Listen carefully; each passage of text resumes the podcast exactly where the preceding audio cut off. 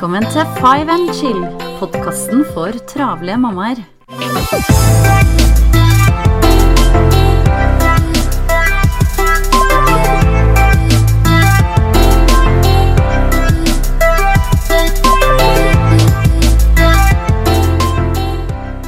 Hei og velkommen tilbake, Janne fra Travel mamma og Smart organisering her. I dag så har jeg lyst til å um, snakke om et av mine favorittrom, nemlig kjøkkenet.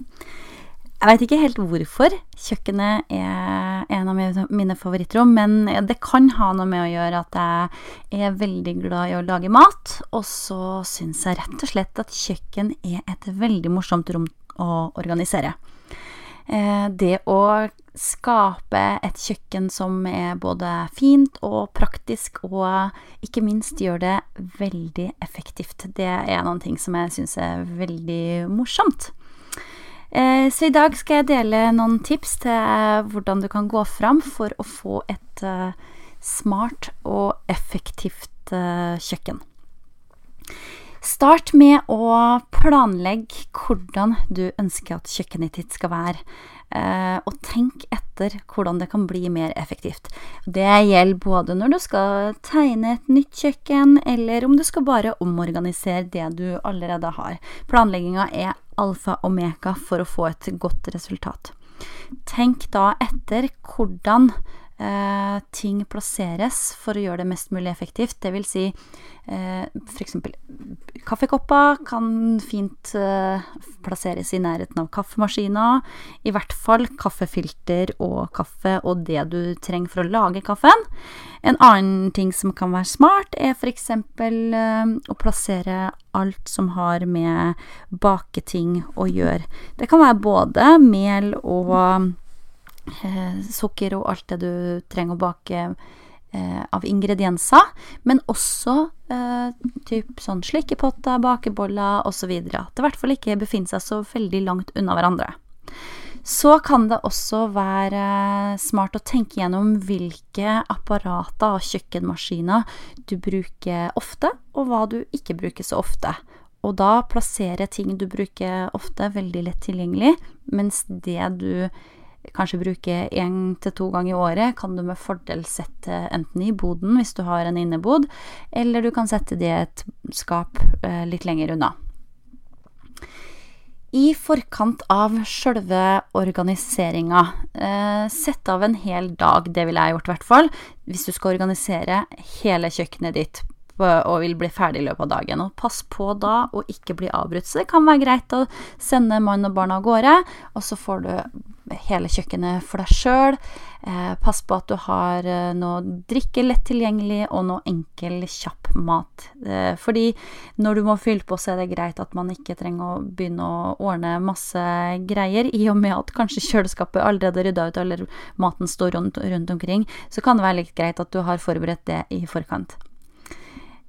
Før du òg går i gang, så ta en runde i huset og samle det du har av tomme oppbevaringsbokser i ulike størrelser. Så tar du det med til kjøkkenet, for det kan du da få bruk for eh, i løpet av organiseringa di.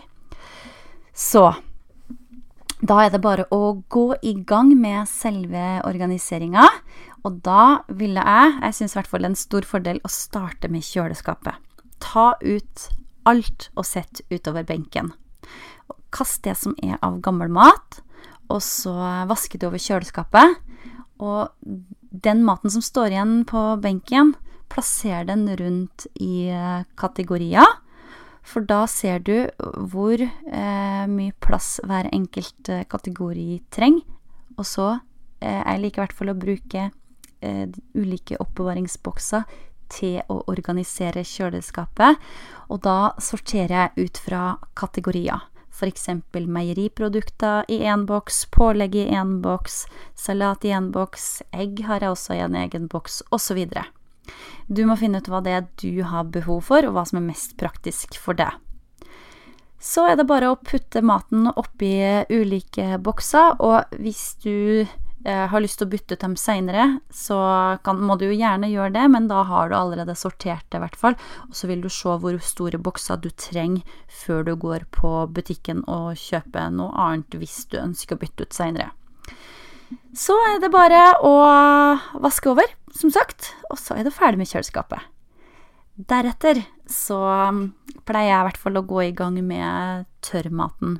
Og noen gang så kan det være at uh, tørrmaten står plassert i ulike skap, så det er bare å ta fram absolutt alt man har av tørrmat.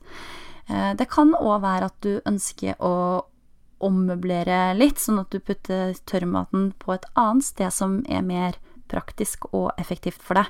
Da må du selvfølgelig også rydde ut av det skapet eller den skuffen. Eh, gå fram på samme måte her. Kast det som er gammelt. Sorter ut fra kategori, f.eks. middag i en kategori, bakeartikler i en kategori, brød i en kategori osv. Deretter så finner du hvilke, hvor stor plass rett og slett hver kategori tar.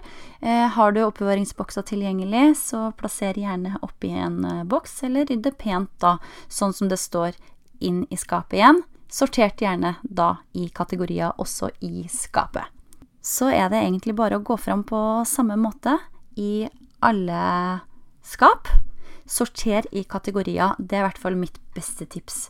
Og jeg syns det er supereffektivt å gjøre det på den måten, og jeg syns det funker kjempebra.